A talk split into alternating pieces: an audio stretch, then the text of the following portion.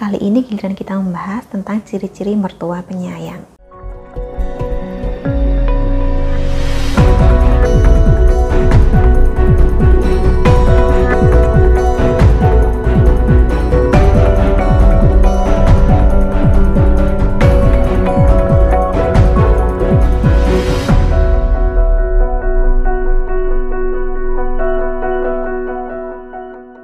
Salam Rahayu, dengan Dewi Sundari di sini. Apa kabar Anda? Saya doakan semoga selalu sehat dan senantiasa diberikan kemudahan serta kelancaran di mana pun Anda berada. Sebelumnya, pernah kita bahas tentang ciri-ciri suami penyayang, alias ciri-ciri suami yang sayang istri.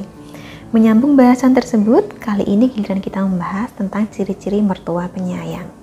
Ada banyak kejadian di mana hubungan seorang mertua dengan menantu perempuannya dianggap kurang harmonis Tentu saja saya berharap Anda tidak pernah berada dalam posisi tersebut.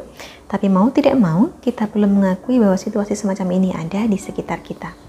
Apakah lantas semua mertua itu jahat? Ya jelas tidak.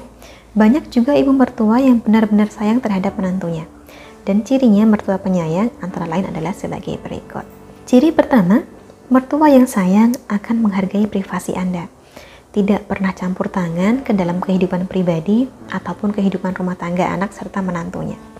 Contohnya saja, ketika Anda pamit untuk pergi bersama teman-teman, maka mertua tidak akan ada niatan untuk menginterogasi Anda seperti polisi.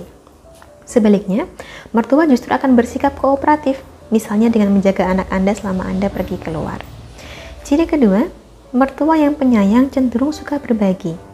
Apa saja yang dimilikinya akan dibagi bersama Anda, termasuk waktunya, tenaganya, atau menghadiahkan sesuatu di hari-hari istimewa Anda.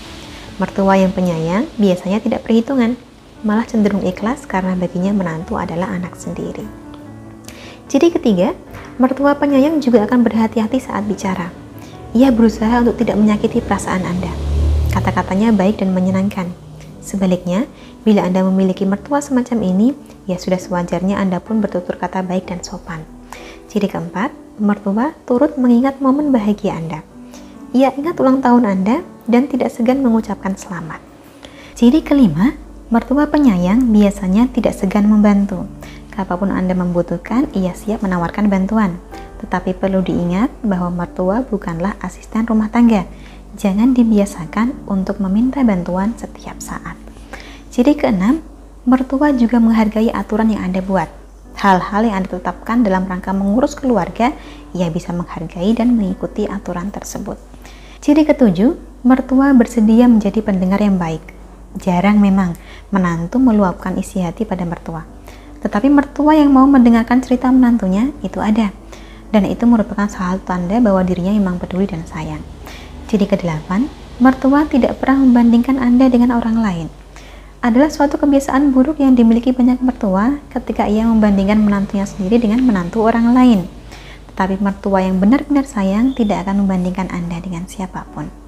Sedangkan ciri yang terakhir, mertua penyayang tidak segan membela Anda. Bahkan misalnya Anda sedang berselisih dengan suami pun, yang notabene adalah anaknya sendiri, mertua tidak keberatan untuk membela Anda. Karena memang tidak selamanya mertua akan membela anak sendiri dan menyalahkan menantu di setiap situasi. Sembilan ciri inilah yang biasanya dimiliki oleh para mertua penyayang. Bila Anda memiliki mertua yang demikian, bersyukurlah dan tunjukkan kasih sayang Anda juga terhadap mertua sebaik-baiknya. Kurang lebihnya demikianlah yang dapat saya sampaikan. Terima kasih banyak untuk Anda yang telah menyaksikan. Sampai jumpa di kesempatan selanjutnya dan salam rahayu.